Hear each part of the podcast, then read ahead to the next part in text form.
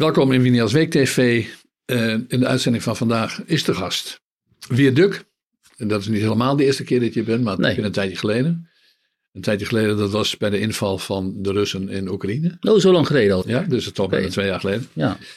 Uh, en deze keer gaat het over iets heel anders. Hoewel Oekraïne ook nog langskomt, denk ik.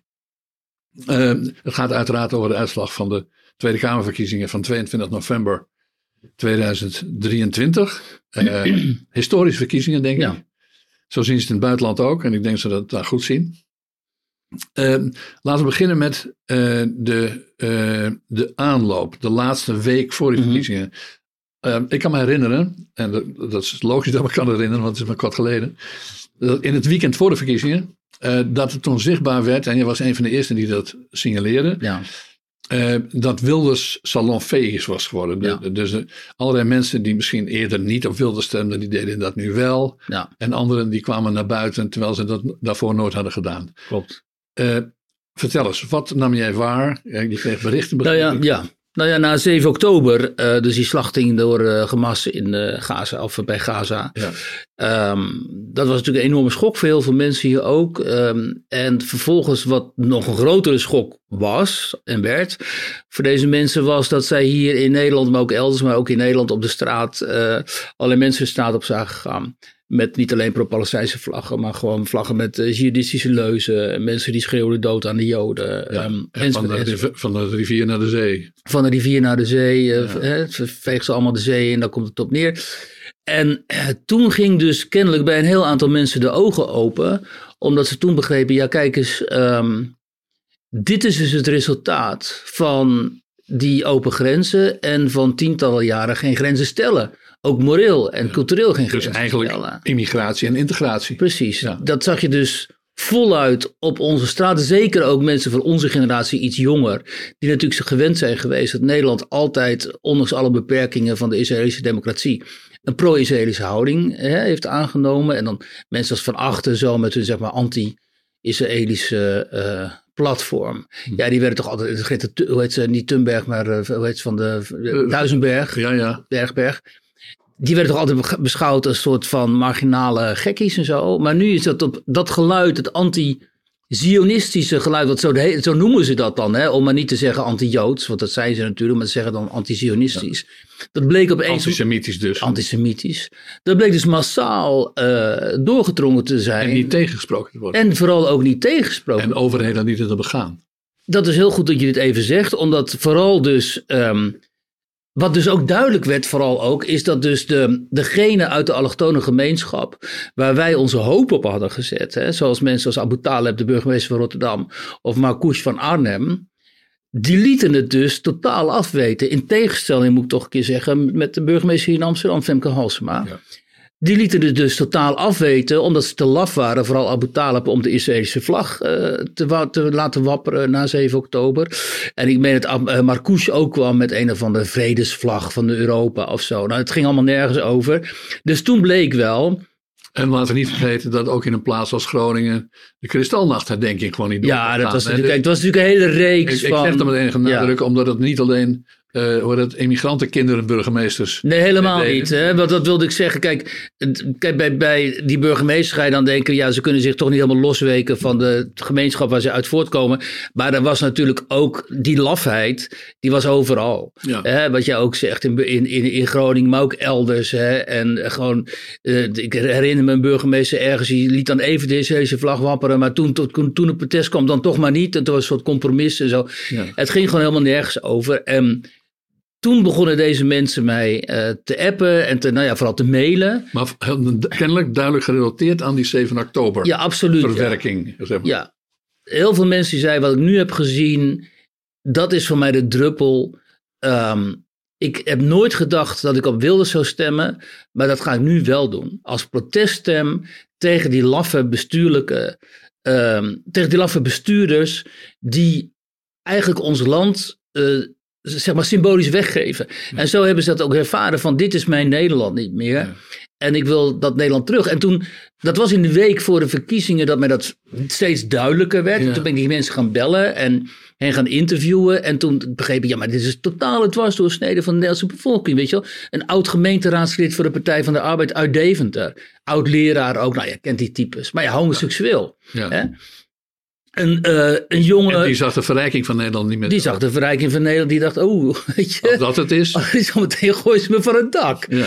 En eh, een Pakistaanse jongen met een Hindoestaanse vrouw, Surinaamse Hindoestaanse vrouw uit Hoofddorp, die notabene op een ministerie werkt, die zei, ja, maar ik ken dit, ik ken dit, ik ken dit letterlijk, mijn ouders hebben dit gezien. In Pakistan waren christelijke Pakistani. Die hebben dit letterlijk gezien wat die islami- islamisering en die, dat eh, antisemitisme betekent.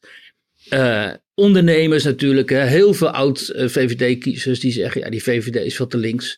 Maar Dus goed, oké, Geert. maar dan, dan raken we op een ander onderwerp. Dat we zeggen, het gaat over hetzelfde, maar het, het tunnelt naar hetzelfde. Maar als er nou de, aan, de, de, de aanleiding voor de mensen om eh, hun, Ja. hun, hun opvattingen kenbaar te maken en te herzien, Ja, dan noem je dus eerst 7 oktober. ja. Maar waarom hebben die mensen dan gewacht tot het midden november om jou te bellen? Omdat ehm, toen ook duidelijk werd, en dat is heel interessant eigenlijk, toen werd duidelijk dat de VVD Wilders ging uitsluiten. En in tegenstelling tot al die andere analisten die zeggen, Dylan Jessegus heeft de, PV groot gemaakt omdat ze de deur op een kier deed, is mijn ervaring, eh, het feit dat ze de PV uitsloot maakte Wilders groot. Omdat al deze mensen tegen mij zeiden, luister eens, wij willen per se dat Dylan en ook Omtzigt met de PVV in zee gaat. Dus dan gaan Want anders op- gaat het weer net zoals al die andere keren anders met Rutte. Dus weer gewoon... Rutte eh, zoveel. Rutte op hakken, zegt nou, mensen. precies, je dus hè, Omtzigt, eh, Dylan en Timmermans. Hè, in, in één zo'n afgrijzelijk kabinet. Waarbij we niet moeten vergeten dat in die fase de VVD nog de grootste leek te worden. Ja, ja, precies. Dus om dat ten ene male te voorkomen, zeggen zij, zijn wij naar de PVV gegaan. Nou ja, en ehm wie schetst mijn verbazing bij de, eh, bij de exit polls? Ik had gedacht 31 zetels, hoogstens 32. Toen kwam hij op, uit op 35 en uiteindelijk 37. En toen dacht ik, ja, dat is een dambe. En toen, kijk, in de, in de, in de week voorafgaand aan de verkiezingen, toen schreef ik al op Twitter van, we- wat we gaan zien is de, inderdaad de, mainstreamisering. Dus de PVV wordt mainstream. En dat is een cultuurbreuk. In feite het nieuwe midden. Het nieuwe midden. Ja. En dit is ook wat jij schrijft in jouw stuk van de week. Hè? Dit is veel meer dan een verkiezingsoverwinning. Het is echt een cultuurbreuk. Hè? En een, een, een, een cynicus zou zeggen, een Duitse cynicus zou zeggen, het is civilisationsbroeg. Nou, dat vinden wij niet. Het is een cultuurbreuk, doordat nu voor het eerst, eigenlijk sinds de LPF dan, hè, een partij ehm, die nieuw is en die niet tot de gevestigde orde behoort, zo groot heeft kunnen worden. Nou, dat is zelfs de, De gevestigde de machtsorde. eerste keer dat het de grootste is. Ja, precies. Want Hè, was niet kijk, de de grootste, nee, nee, dat, dat was misschien gebeurd als. eh, Ja. dat, sterker nog, misschien is Pim Pim Fortuyn vermoord omdat hij de grootste Grootste leek te worden. Dat wordt wel verondersteld in ieder geval. Eh, maar hij is het nooit geworden, ook dood niet. Hè? Dus ze haalden toen ongeveer, wat is het, 4, 5, 26 zetels geloof ik. 26. Ja. De, dat was de LPF. Maar en dat, het CDA was nog groter dan. Zeker, Ja. zeker. Het CDA, het CDA, maar goed, dan moeten we misschien niet heel veel aandacht, want Nee. het ene is niet aan steken nu, maar het CDA is in 2002 eh, de grootste geworden door doelbewust mee te liften op de, op de tandem ja. van Pim. En dat heeft ook voor het CDA te goed uitgepakt, want daardoor zijn ze nog acht jaar hebben de, eh, de premier kunnen leveren. Wat Ja. nooit meer zal gebeuren, moet ik aannemen. Nee. Dus, ehm, eh, maar goed, dat, is, dat leidt een tikje af. En in die zin dat eh, dit nu echt de eerste keer is dat een partij die niet behoort tot de drie oude machten in Ja. Nederland, eh, de grootste is. Want zij en niet zo'n beetje, anderhalf keer groter. Ja, dus- Ja, een volkspartij zoals Wilde zelf zegt. en misschien wel de enige. Ja, Ja. notabene. En dan heb je dus, dan zit je dus in een situatie waarin we al de afgelopen jaren natuurlijk hebben gezien dat de christendemocratie en de sociaaldemocratie eigenlijk, eh, het, zeg maar, zijn vervaagd. Hè? In- in- Hun eigen klandizie hebben weggejaagd. Juist. Ja. En dat de VVD dan hè, min of meer een soort van, van compromispartij werd of zo. En, En, die- da- en daarmee ook zijn eigen klandizie wegjaagt. ook nog eens, ja. Want in mijn opvatting, eh, en dat heb ik ook wel eens, dat is geen onthulling, maar dat heb ik ook wel eens opgeschreven, kreeg de VVD in feite de meerderheid van de Nederlandse kiezers vanaf het eind van de vorige eeuw in de schoot geworpen. ja. Als de mensen weglopen uit de kerken, En als ze allemaal in zekere mate middenklasse worden, Ja. dan is maar één partij geschikt voor hen. Dat is namelijk de VVD. Ja. Dus de VVD hoefde er niks voor te doen om Nee. de grootste te zijn. Als ze er nu toch nog in geslaagd zijn om niet meer de grootste te zijn, hebben ze dat zelf gedaan. ja, ze hebben ook wel hele zwakke inhoudsloze campagne gevoerd natuurlijk. Hè? En, eh, de, Nou ja, en het, het voortdurend het, het, het, de verkiezingsprogramma van je, van je coalitiepartners overnemen, maar nooit die van jezelf uitvoeren. Ja. Toch? Ja. Ja, en het hele verhaal over we gaan nu iets doen aan die immigratie, want we hebben het kabinet op laten vallen. Dat is natuurlijk volstrekt ongeloofwaardig als je de, de Ja. portefeuillehouder immigratie je concurrent is. Dan gaan mensen natuurlijk naar de, naar de PVV. Nou ja, bovendien is al jaren, eh, voor zover het immigratiebeleid was, dat liet voeren door de meest linkse eh, VVD'er die het vinden was. Al Ja, die eerder, uit Amsterdam. uit Amsterdam en die al eerder had geroepen eh, dat, dat er nooit genoeg asielzoekers kunnen zijn. We hebben ze nodig. Ja. Siep, we hebben ze nodig, want ze moeten ons uiteindelijk in het bejaardenhuis moeten ze ons wassen. verschonen en zo. Ja. Nou, welkom zou ik zeggen. Ja. Maar die, Oké, nou ja, je ziet er naar uit. Maar het, het, wonderbaarlijke, het wonderbaarlijke feit doet er natuurlijk voor dat Erik van den Burg, die man die dan het Die asielbeleid. was helemaal verdwenen tijdens de campagne. Die was plotseling ziek. op Aruba, meen Op Aruba. Ja. Wat een asielzoek, asielzoekersbewindsman überhaupt op eh, Aruba moet, dat begrijp ik ook niet. Aruba is toch een soort Af- eh, Amerikaans eh, Ja. vehikel daar. eh, Waar hij niet Cariben. Ik bedoel, als hij naar Marokko gaat, dat begrijp ik. Maar Ja. wat doet hij op Aruba? Precies daar krijgt hij, naar ik begrepen heb, eh, van een soepje. Eh, kreeg hij, eh, hoe heet? Een, een, een Voedselvergiftiging. voedselvergiftiging. Eh, dat was ernstig genoeg om opgenomen te worden in het ziekenhuis. Maar ook weer niet zo ernstig dat hij, dat hij moest blijven. Dus, maar, maar dan is hij vervolgens wel drie weken uit beeld. Tot de dag na de verkiezingen. Op donderdag was hij terug. Donderdag Dat kondigde hij ook gewoon aan, hè? Van ik ben weer terug. Schaamteloos. Is maar- weer daar. Maar kijk, bij de VVD hebben ze te lang gedacht. In de hele Rutte-tijd hebben ze, hebben ze gedacht: ja, waar de grote baas met succes mee wegkomt, dat kunnen we allemaal kopiëren, lijkt het wel. Daar komen die leugentjes en die niet nagekomen beloftes, komen daar, Ja. komen daar denk ik toch vandaan. En op een gegeven moment geloven de mensen niet meer. Dan is het zelfs geen, zelfs geen cult meer, zal ik maar zeggen. Nee, er was echt haat op de VVD. En Ja. om die reden, omdat mensen vinden, ja luister als je zo lang zo openlijk bent voorgelogen en zo onbeschaamd. Ja. En, je, en, die, en Rutte komt er telkens maar mee weg en zo. Wat, wat moet er dan in godsnaam nog bij die partij? Dus was het inderdaad wat je zegt eigenlijk nog best wel opmerkelijk dat ze nog zoveel zetels hebben binnengehaald. Ehm, maar goed, als we nu deze formatie laten, eh, of deze verkenning laten eh, mislukken. En er zouden nieuwe verkiezingen komen, ja, dan denk ik dat ze helemaal weggevaagd eh, gaan worden, eerlijk gezegd hoor. Dat Ja. is toch wel een beetje het sentiment dat je voelt onder de kiezers nu. Dit moet lukken, anders dan nemen we wraak en dan maken we Wilders nog groter. Nou ja, mensen zijn wantrouwend geworden en daar is alle reden voor. Ja. Eh, Het is te opzichtig. Dan wil ik eigenlijk ook nog even heen met jou. Eh, want hoe zijn we in deze situatie beland? Nou, we zijn in deze situatie beland omdat de VVD, Mark Rutte dus, het kabinet heeft laten vallen. Ja. Je kunt niet zeggen dat het, dat, het- dat het per se eh, dat had gemoeten of zo. Dat, dat was tot, eigenlijk tot ieders verrassing ook een beetje dat het kabinet viel.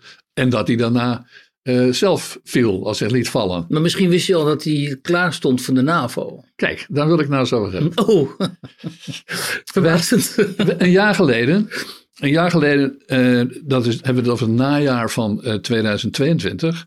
Toen was Nederland plotseling een big spender aan het worden als het ging Ja. over geld en wapens naar eh, Oekraïne. Oekraïne. Dat was niet de hele tijd zo, hè?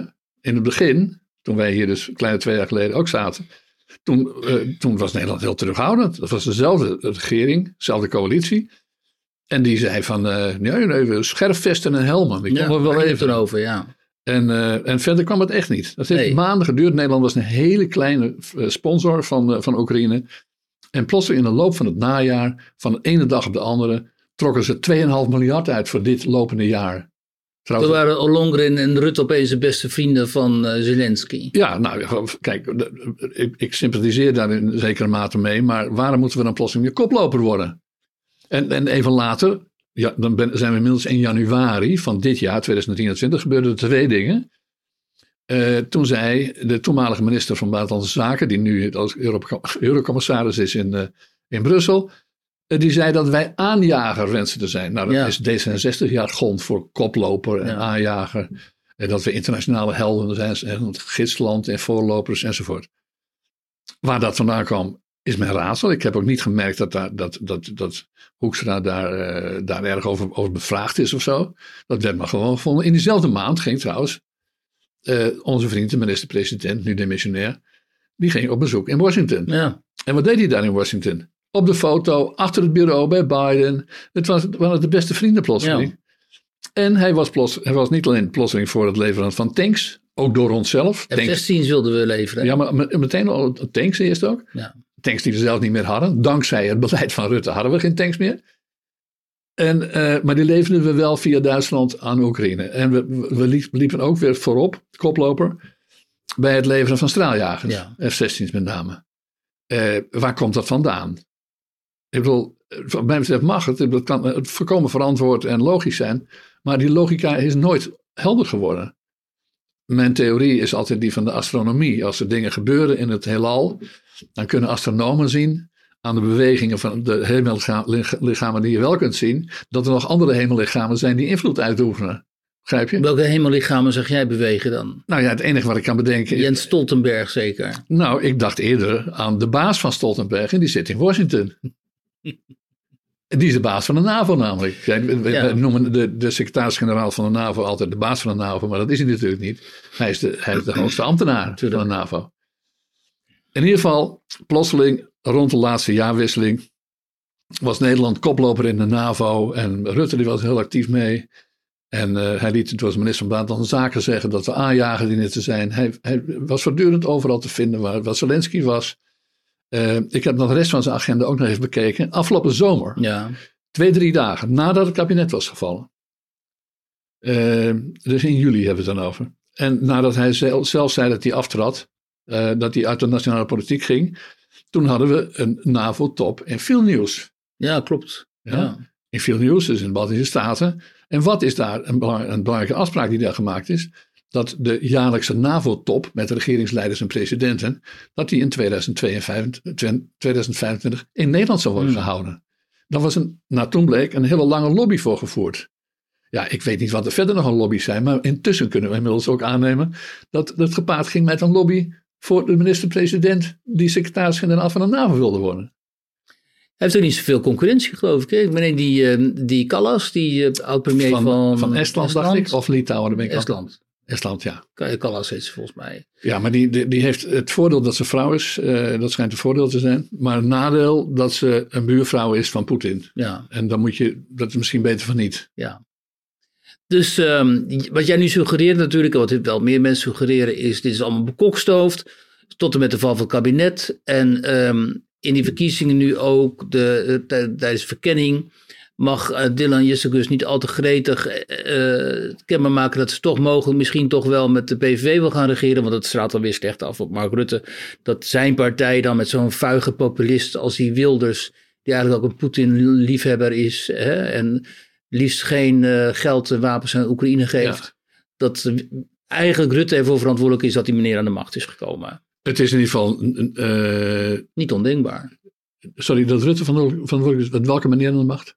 Dat wilde ze dan aan de Oh, zo bedoel je, ja, ja. Als gevolg nou, van- nee, ik, ik denk dat wat belangrijker is, even aangenomen dat eh, Rutte eh, in ieder geval deel- deels nog de regisseur is van dat hele proces.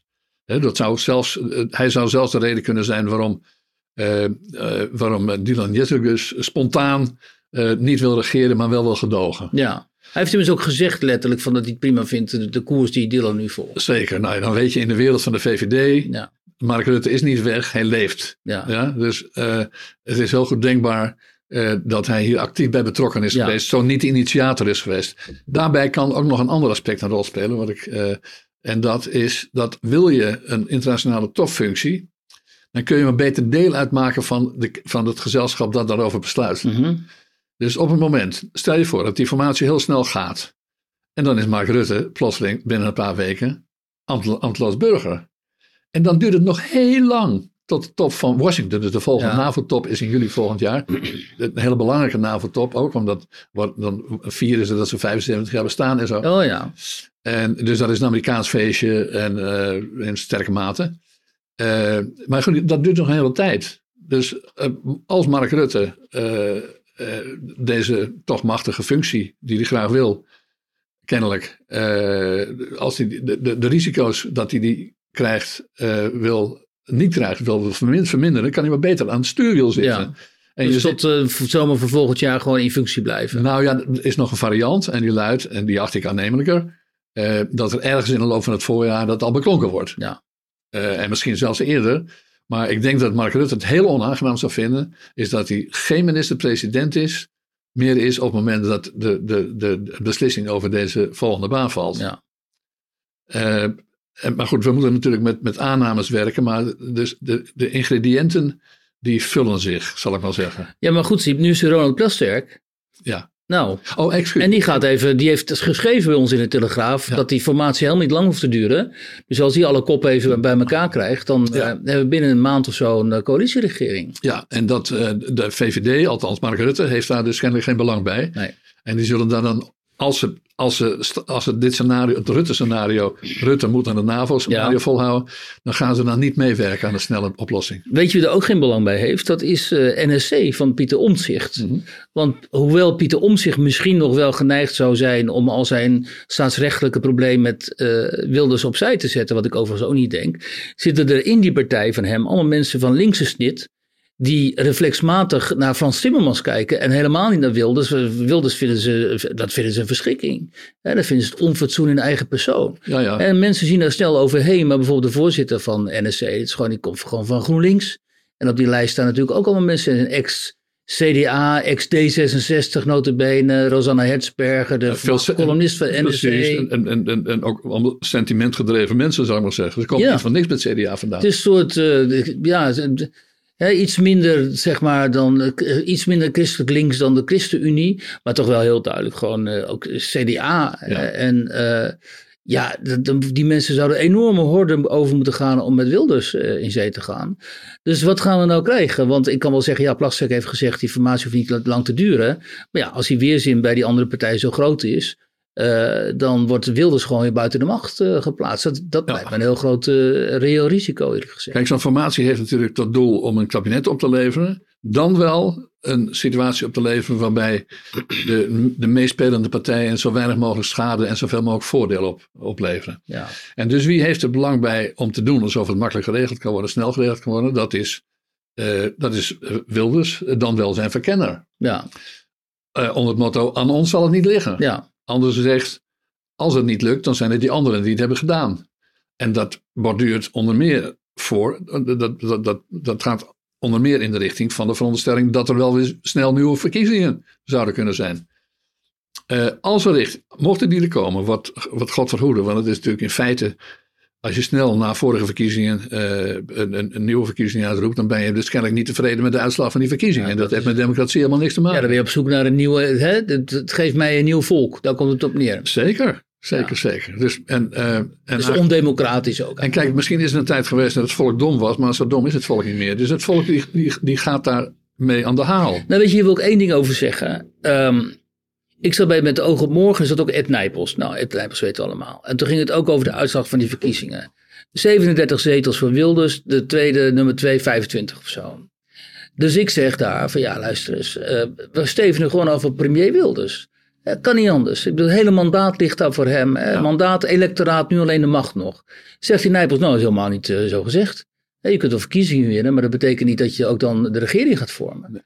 Dus ik zei, ja, dat klopt wel, klopt allemaal wel en zo. Dat is in het verleden ook gebeurd, hè, Den Uyl, 77, noem maar op. Maar door eigen toedoen doen. Dat was door eigen toedoen. Wilders wil gewoon graag. Ja, wat in Nieuw Links. Althans, dat nemen wij aan, dat weet ik niet 100% zeker. Nou, in- Maar laten we dat even aannemen. Misschien dat hij denkt van, nou ja, premier, maar goed, hij wil wel regeren. Ehm, dan kun je toch niet zeggen als Ed Nijpels van een partij die gewoon verloren heeft. Van ja, weet je, maar, hè, dat, dat hoeft helemaal niet. Maar dus op dat moment word ik boos. Ik zeg van ja, dat vind ik hartstikke ondemocratisch en zo. Maar dat, dat deert hem helemaal niet. Omdat die, die, die kasten, zeg maar, van de gevestigde orde... Die vindt het vanzelfsprekend dat hen de macht toekomt. En die vindt Wilders een indringer. En dan kun je 37 zetels hebben en meer dan 2,5 miljoen stemmen. Of 2,3 miljoen geloof ik is het. En een kwart van de stemgerechtigde Nederlanders stemt op jou. Maar dat heeft voor hen helemaal geen betekenis. Nee, maar de VVD heeft al helaas op dat punt een hele beroerde traditie. Er zijn, er zijn meer VVD'ers en vooral VVD'ers die Ja. lang aan de macht zijn geweest. Eh, dus eh, je hebt de, de VVD-generatie 1982, waar bijvoorbeeld Joris ook bij hoort. Ik geloof dat hij zelfs al iets ouder is, althans als politicus Nijpels. Uh, en die, uh, Jorisma heeft bijvoorbeeld wel eens gezegd, ja, dat, altijd, dat lobbyisten een belangrijke rol spelen in Den Haag, dat is helemaal niet uh, erg, want dat is democratie. Ja. Dus als je als politicus vindt dat de lobbyisten een, een, een, een, een, een knokpartijtje plegen rond de formatie of wat dan ook, en dat dat dan de democratie is, dan Ja. weet je dus niet wat democratie is. Nee, maar ze En, kijken. en die Nijpels zelf, die heeft toen die, eh, toen die kli- klimaatchef was, weet je wel, Mhm. Ja, klimaatakkoord, precies, energieakkoord, toen was, die klimaattafel. was hij voorkomen, het was natuurlijk als zodanig al ondemocratisch Ja. wat zich er afspeelde, maar hij zei ook openlijk dat het klimaat is te belangrijk om aan de democratie over te laten. Dus Ja. de Tweede Kamer mocht wel zeggen wie het ging betalen, maar voor de rest hadden ze niks over te zeggen. Hij is gewoon geen democraat. Nee, maar helaas denk ik dat als je eh, dat risico loopt, als je zo lang verweven bent met de macht, dan denk je dat je macht bent en dat je ook uit kunt maken wie de macht, met wie je de macht altijd niet deelt. Maar je ziet in de reflexen overal. Ik bedoel, iemand als Boekenstein of zo. Oké, die speelt een belangrijke rol. Maar als je zijn, zijn tweets kijkt, precies hetzelfde. ook die, staat, heel die, veel staat, die mensen. staat ook bij de VVD. Misschien Ja. dat, eh, de, die infectie daar opgelopen. Ja, maar ook heel veel mensen op links, weet je wel. Uit de cultuursector, uit de politiek, uit de Ja. vakbonden en zo. Ja, hallo, die organiseren zelfs demonstraties tegen de verkiezingsuitslag. Ja, maar, Dus die gaan demonstreren tegen de uitkomst van een democratisch proces. ja, maar misschien demonstreren ze eigenlijk tegen hun eigen machtsverlies. En ze, ja, het is, ze zijn ontzettend bezorgd en zo. Ja, Ja. waarom zijn ze bezorgd? Omdat die, al die subsidies waar ze van leven eh, en die macht en die invloed ter discussie staat. Kijk, Nou- kijk het, wat natuurlijk wat Ja. al lang had moeten gebeuren, maar wat iemand als, als omzicht ook wil. Omzicht die wil een bezem door de lobbycratie. Ja, Ja, die vindt gewoon, net zoals de Raad van Europa vindt. De Raad van Europa die stuurt om de havenklap hele goede, nuttige rapporten naar Den Haag. En die zegt, je moet eens een keer ophouden met die belangenverstrengeling. ja. En met die handel in invloed. Dat moet strafbaar gesteld Ja. worden. Ja. Dat doen ze in Den Haag niet. Die netwerkcorruptie. Netwerkcorruptie, maar het heet in het internationale verdragstermen heet dat handel in, eh, Ja. handel in invloed. Dus als je een politicus kunt kopen, ja, die dan voor jou zorgt dat je invloed kunt uitoefenen. ja, Dat, die situatie doet zich voor in Nederland. Hè? De Eerste Kamer zit vol met politici die je kan kopen. ja. Als lobbyist. Sterker nog, als je lobbyist bent, Dan zit je in de Eerste Kamer. dan, dan krijg je een bonus van je opdrachtgever als je ook in de Eerste Kamer zit. Ja, Want in de Eerste, Kamer kun je niet heel veel dingen initiëren, maar wel dingen tegenhouden. ja. Nou, eh, dus in die wereld, dan wordt door alle verstandige mensen wordt er tegen geageerd, die vorm van corruptie die in Nederland latent bestaat, al heel lang bestaat. En nooit, eh, eh, dus- en nooit, nooit, ja, nooit serieus op aangepakt. Want dan heb je het hè, over natuur- en klimaatorganisaties natuurlijk die Je veel geld twee soorten. De ene die gaat, de, de, dus VVD-lobbykraten, Ja, die kun je inhuren om de bedrijven te bedienen. Nijpels is er zelf een van. Ja. Eh, en je, je kunt eh, eh, eh, linkse lobbykraten inhuren, die dan eh, de belangen van eh, de natuur en milieu, ik zeg maar wat, cultuursector. eh, cultuur, n- klimaat enzovoort. Ja. Klimaat is trouwens nog een beetje cynisch, want eh, daar de, de lobby en de actiegroepen voor het- klimaat, die zien vooral de grote miljarden verdwijnen bij de bedrijven waar ze niet voor zijn, waar ze tegen zijn. Nou ja, en die komen aan geld via de postcode loterij natuurlijk. Voor een deel, precies. Nou ja, dat is ook een van die dingen. Dat is ook een van die. We hebben een hele lijst van, van, van privileges in Nederland, om eens een moderne term te gebruiken. Eh, privileges voor links met name, maar niet uitsluitend. Hè. Dus de, de bedrijven hebben ook allerlei voordelen. Ze betalen, eh, vooral grotere bedrijven, eh, die betalen dus heel weinig belasting en, eh, over hun energiegebruik bijvoorbeeld. Jij en ik betalen gewoon de hoogste prijs. De burger betaalt de prijs voor het klimaatbeleid. Een van de dingen die mogelijkwijs ook gaan veranderen. Ja. Maar in ieder geval, eh, al die mensen die zeggen van dit is niet goed, die, die beroepen zich doorgaans op de rechtsstaat of iets anders vaags. Maar ondertussen eh, zijn ze vooral bang voor hun eigen machtsverlies, voor het geldverlies Ze zijn bang dat ze privilegeverlies. tot de portemonnee gaan voelen. En ook al die ontwikkelingssamenwerkingsorganisaties natuurlijk, waar al die mensen Die gewoon zijn al een keer eh, door de Ja. molen gegaan, die hebben al minder geld. onder halve zeil zeker, of niet? Ik denk al in de post, eh, dat is al begonnen na, na Fortuin. Ja, ja. Maar daar waren we eerst ook koploper en dan zijn we niet meer. ja. Ja, dus eh, Maar ja, er zitten natuurlijk altijd nog mensen aan de top die gewoon een ton of meer per jaar vangen en zo. Met, met vage... tienduizenden mensen werken Ja. daar. Hè? Ja. En er zijn dus, eh, eh, hele, mijn collega Wouter Roorda, die ook een, met een boek bezig trouwens is over dat onderwerp, die, die brengt dat systematisch in kaart. En heeft net weer een stuk geschreven waarin hij duidelijk maakt dat er eh, alleen al bij ontwikkelingssamenwerking, dus, een afdeling van het ministerie van Buitenlandse Zaken, iedere vijf jaar 2 miljard euro de deur uit gaat naar allerlei bevriende clubjes. Ja. En die krijgen dat geld alleen maar. eh, Dus de Milieudefensie, maar ook het COC en zo. Die worden allemaal betaald door buitenlandse zaken. Het is Ja. Dat, komt, dat geld komt nooit in de derde wereld. Ja. Dat blijft allemaal in Nederland hangen. Daar leven mensen van. En die, en, en die, eh, eh, eh, maar ze moeten wel aan allerlei socialistische voorwaarden voldoen. En zo. Nou ja, het is natuurlijk ondenkbaar dat het onder premier Wilders blijft bestaan, zou je zeggen. Nou, het, misschien is het ondenkbaar dat dat echt gaat veranderen. Ik hoorde inderdaad ook iemand eh, uit, uit dat milieu zeggen, buitenlandse zaken zeggen, jongens. ehm, want er zitten natuurlijk ook veel van die briefschrijvers, hè, die protesteren tegen Nederlandse Israël-beleid. D- deze meneer die zei van luister eens, daar bij buitenlandse zaken zitten gewoon ambtenaren die zitten eh, plannen die indruisen tegen die zeg maar die linkse ehm, eh, D66-politiek, die zijn ze gewoon aan het saboteren. Ja. Hè? Dus die voeren ze gewoon niet uit. En, Ja. en, die, dat- en dat vind ik ook een hele interessante gedachte. Mocht er een premier Wilders eh, aan de macht komen, hoe hoog wordt dan die sabotagemacht van de ambtenarij? Hè, en, En ik zou het nog wel uitbreiden, want de, de, de- we hebben natuurlijk een hele kring van, van, van instituties. De ambtenarij maakt daar deel van uit, Ja. een heel belangrijk onderdeel de hele cultuursector natuurlijk. Ja, ik, bedoel, ik ik durf bijna niet te zeggen, maar misschien moet je in sommige opzichten de rechterlijke macht er ook toe rekenen.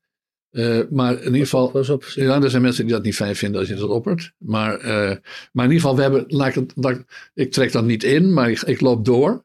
En, en dan zeg ik, en dan gaan we naar al die planbureaus Ja. en die adviesbureaus.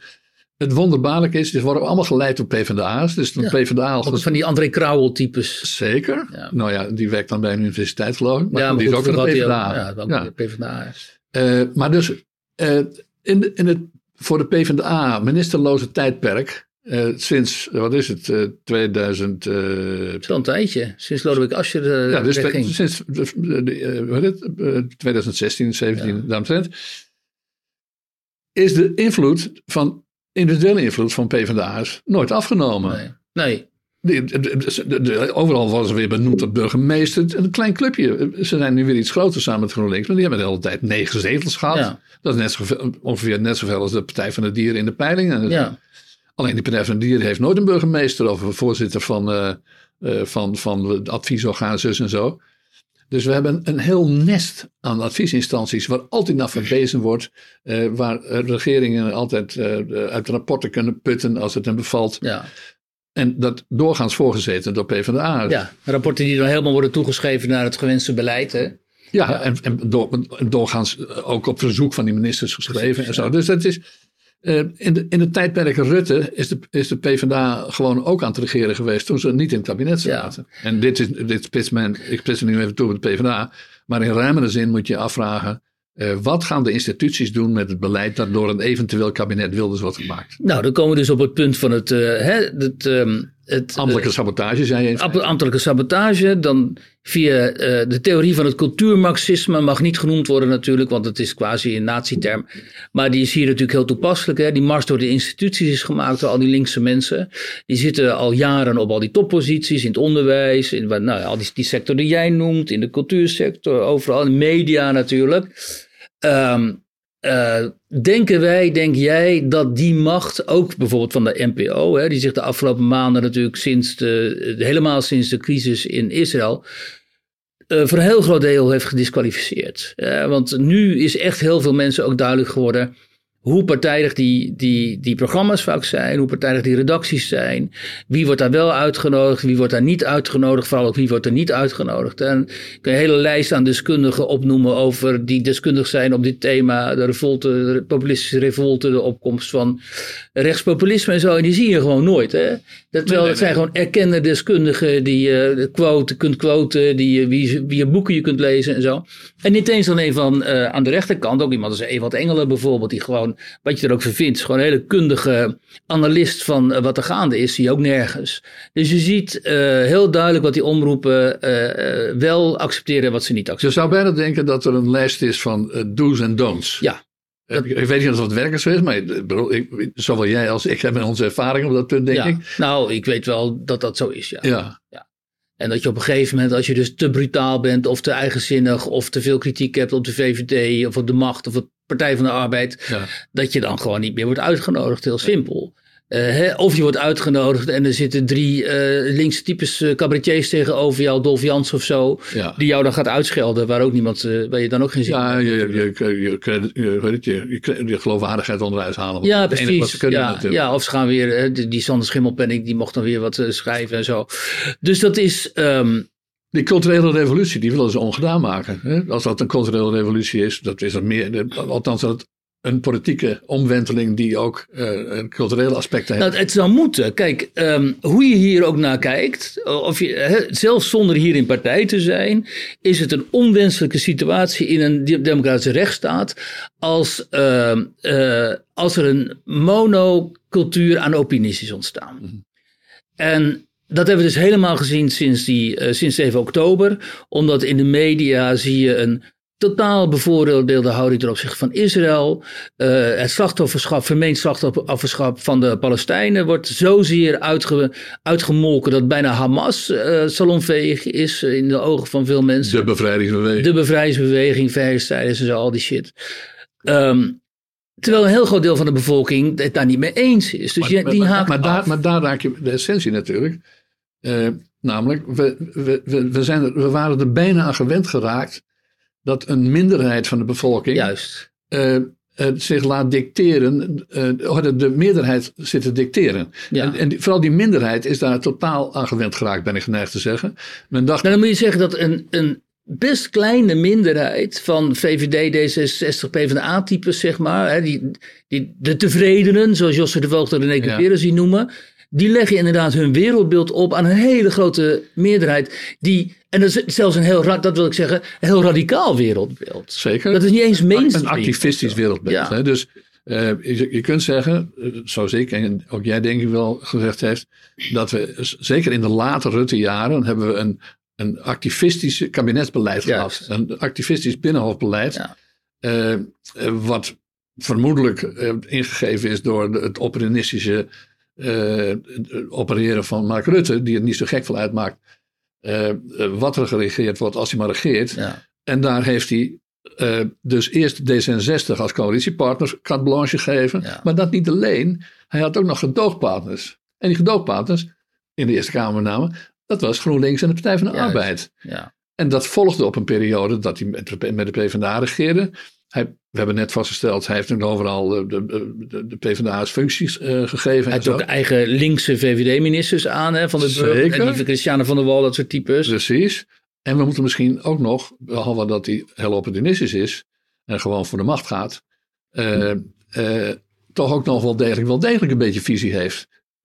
Mark Rutte, die wilde altijd al, als, als staatssecretaris van dat was het onderwijs en sociale zaken, uh, had hij al plannen om de VVD te reorganiseren. Die kon namelijk prima samengaan met D66 en misschien zelfs met een, een deel van de PvdA. Als baas van de JVD zei het al, hè? dat ze moesten samengaan met D66. Zeker, maar goed, daar kun je dan nog van zeggen dat uh, dat was rond 1990. En, de, en de, die jongere organisaties zijn doorgaans wat linkser. Dan denk je van nou, dat ligt daar misschien aan. Maar zijn hart ligt daar. is natuurlijk geen Bolkestein. Zijn hart ligt gewoon bij dat progressieve, globalistische. Ik heb ook wel tegenover hem gezeten in die, die tijd dat hij fractievoorzitter was. En plotseling opdracht had gegeven om rechts te worden. Ja. En toen zat, zaten we gewoon een vorkje te prikken. En, en om de vijf minuten zegt hij rechts, rechts dit en rechts dat. Ja. Dat was aangeleerd, naar mijn gevoel. Ja. Ik zei dat ook tegen hem van... Uh, hou dat keer op, dat hoef je voor mij niet te doen, weet je wel. Maar dus... Uh, ik, wil, ik, wil maar zeggen, dus Mark Rutte heeft uh, de, de toch al sterke positie van, uh, morele positie ook van links. In feite sinds het midden van de jaren zestig heeft hij nog extra body gegeven. ja, waar Boekenstein af en toe, of Bolkestein daar juist heel duidelijk weerwoord en ook inhoudelijk weerwoord ja. aangaf. En wat voor heel veel mensen uit die meerderheid die wij noemden natuurlijk heel opluchtend was. En ook bevestiging van hun eigen, eigen denkbeelden vaak. En waarschijnlijk ook vaak heel um, uh, prettig om te weten dat er in ieder geval iemand in die mainstream politiek zat. Die hun belangen, hun cultureel-ideologische belangen ook min of meer vertegenwoordigd. Zoals, zoals uh, Bolkestein dat deed. Mm -hmm. Was Rutte dat natuurlijk uiteindelijk gewoon voor, voor links geworden. Hè? Voor, wel, voor, wel, wel, voor, rijk links, laten we het zo zeggen. Zeker, nou ja. Dat, wat, Niet voor SP links, we hadden, voor rijk We hadden het net al even over, over dat Rutte misschien toch de regisseur van deze, dit jaartje parlementaire geschiedenis is. Uh, en dan heb, is er nog één aspect wat je dan toe kunt voegen. Dat hij mogelijkerwijs ook wel voorzien heeft dat dit proces niet eindeloos volgehouden kan worden. Ja? Bedoel, waarom moest het kabinet deze zomer vallen? Ja, misschien omdat hij graag secretaris-generaal van de NAVO wilde worden. Ik weet dat niet. Het is allemaal niet ondenkbaar. Maar het kan ook nog zijn dat hij uit die focusgroepen en die andere onderzoeken Mm. en zijn eigen persoonlijke antenne heeft gehaald. Dat hij denkt van ja, dit lukt me niet nog een keer. Het, als het ware met, eh, Het staaltje. met mijn eigen, ja, maar in feite dus toch met de rechtse VVD-stem linksbeleid faciliteren. Ja, want je zag natuurlijk ook wel hè, bij die klassiek liberalen en zo, hè, mensen Paul Slettenhaar, die wethouder en, en Ja. anderen. Ja, die waren, en, hè, nou ja, Claudia van Zanten, die uit de VVD stapte, bijvoorbeeld hier in Amsterdam. Ja. Daar was wel heel veel ontevredenheid, gewoon bij klassieke liberalen, zo Ja. de, de, de wat rechtse de VVD. Ja, die, die, die, die, die, die zich verwant voelen met 80% van de VVD-stemmers. Laten we dat niet vergeten. Ja, dat is ook zo bizar. Hoe kun je zo tegen je eigen... Nou, maar dat is wat nu dus eh, die Partij van Omzicht gaat doen. En de VVD ook. Die gaan gewoon tegen 80% van hun eigen stemmers in zometeen. Als ze niet met Wilders in zee gaan. Dus ja, hoe schat je dat nou? Jij, jij volgt die politiek al 100 jaar. Wat gaan die doen? Want ik denk, ze gaan die, die drempel niet over. Gewoon. Dat, dat, Je bedoelt omzicht niet. omzicht principieel niet. Nee, nou, En, en Dylan niet omdat ze niet mag van, van Rutte of zo. Zoiets denk ik. eh, kijk, ik denk dat de VVD, als de, de, de omstandigheden voor de VVD, de belangen van VVD, notabelen, weet ik veel wat, eh, eh, interessant genoeg zijn, dat ze op een gegeven moment wel gaan regeren. En dan, eh, dan maakt het, zoals bij de VVD van Rutte gebruikelijk is, niet eens zoveel uit met wie, als ze maar regeren. Nou ja, als, de, als de, de formatietijd maar lang genoeg duurt, dan, dan wordt alles plotseling weer vloeibaar. En dan zal de VVD de kans om te regeren niet laten lopen. Maar dus het is absoluut, naar mijn idee, eh, niet de eerste optie om met Wilders in zee te gaan. Maar Justus heeft letterlijk gezegd: ik stap niet in een regering. Dat zou betekenen. Geleid door premier Rutte. Nee, Eh, zei eh, letterlijk- premier nee, Wilders. zei letterlijk, ik, stap, ik stap niet in een regering. Dus het sloot, dat, daarmee sluit ze ook Timmermans uit. Weet je? En het, Ja. de vraag is natuurlijk of ze, hoe principieel ze daarin is. Maar dit is dus wat ze zei. Principes is, er zijn veel partijen waarin, waarin men haakt naar principes. En dan zijn ze ondertussen vaak niet zo principes. Niet zo principieel. Maar de VVD in principes is natuurlijk onzin. Ja, wat, Ja. Dat, bedoel, er, Het is, kan alle kanten op. er is geen partij in Nederland die zo weinig serieus aan principes doet als de VVD, waarin de, V- de positie van de VVD nu beland is. Maar waar denk jij gaan wij uitkomen dan? Eh, ik acht de kans eh, groot dat wij eh, geen kabinet Rutte krijgen. Dat we een kans groot Geen kabinet Wilders bedoel je? Eh, Sorry, een- geen kabinet Wilders krijgen. En ik acht de kans ook zeer wel aanwezig dat er vrij snel weer nieuwe verkiezingen zijn. Niet omdat ik dat wenselijk acht, maar omdat ik denk dat het in, in dit land de politieke cultuur kennende wel eens zou kan, gaan gebeuren. Dan had de PVV 40, 45 zetels. Dat zou heel kunnen, maar om de toekomst te voorspellen kun je het vaak best even terugkijken. Ja, dat moet je als historicus weten. En we hebben een, een zekere geschiedenis op het punt van deelname, weliswaar niet als grootste partij, maar deelname van nieuwe partijen. Eh, ik begin altijd eh, bij de DS70. Eh, dat was een, voor de PvdA een hele vervelende partij. Die zich afsplitste van de PvdA met steun van de oude premier Drees. Ja, van die jonge Drees leidde het, hè? Zeker, maar zonder de steun van de oude Drees was het nooit zo groot geworden. Heel groot waren ze ook weer niet. Maar die, die zijn dus mee gaan regeren begin jaren 70. En dat werkte uitstekend. Daarna waren ze weg. Nou, niet meteen, maar in de loop van de jaren 70 was het klaar met DS70. Ja. Eh, we hebben het meegemaakt met, DS, met D66. D66 is gaan meeregeren met het kabinet Den Uyl midden jaren 70 en bestond daarna ook bijna niet meer. De D66 trouwens, die verdwijnt voortdurend Ja. als ze geregeerd hebben, maar dat was meteen al zo. Toen waren zij de, de new kid on the block en, eh, en eh, dat laten we niet vergeten, toen, was, toen haatte zowel PvdA als de VVD D66, eh, eh, omdat ze een overbodige partij vonden. Eh, later hebben we de LPF gekregen. Die mocht ook als nieuwe partij meeregeren. Maar is het ooit serieus het plan geweest van de, van de, de, de regeerpartijen CDA en VVD toen? We praten over 2002. Om eh, daarmee recht te doen aan de verkiezingsuitslag. Nee. Ik geloof er helemaal niets van. Ze wilden gewoon de LPF natuurlijk kapot maken. Zo, Zo is dat. Ja. En exact dat gebeurde er in 2010 en Ja. de volgende jaren. Eh, al in juni, toen die verkiezingen net achter de rug waren in 2010 en, de, en, de, en, en, en Wilders heel groot was geworden. eh, toen eh, hoorde ik een zeer vooraanstaande VVD'er zeggen eh, dat dit een, toch een mooie methode was om ze mee te laten regeren en daardoor te laten imploderen. Ja. Regeren is imploderen, verzin ik je te plek. Uh, en als dat niet autom geen automatisme is, dan is dat iets wat, wat nagejaagd wordt. Nou, uh, ik pleeg wel eens te zeggen, we, we, hebben deze ervaring nu. We weten dat ze dat niet nog een keer kunnen doen, maar ik kom er inmiddels op terug. Ik denk namelijk uh, dat ook nu de opzet is om uh, Wilders in ieder geval niet de macht te geven die hij op grond van de verkiezingsuitslag mm -hmm. zou kunnen opeisen.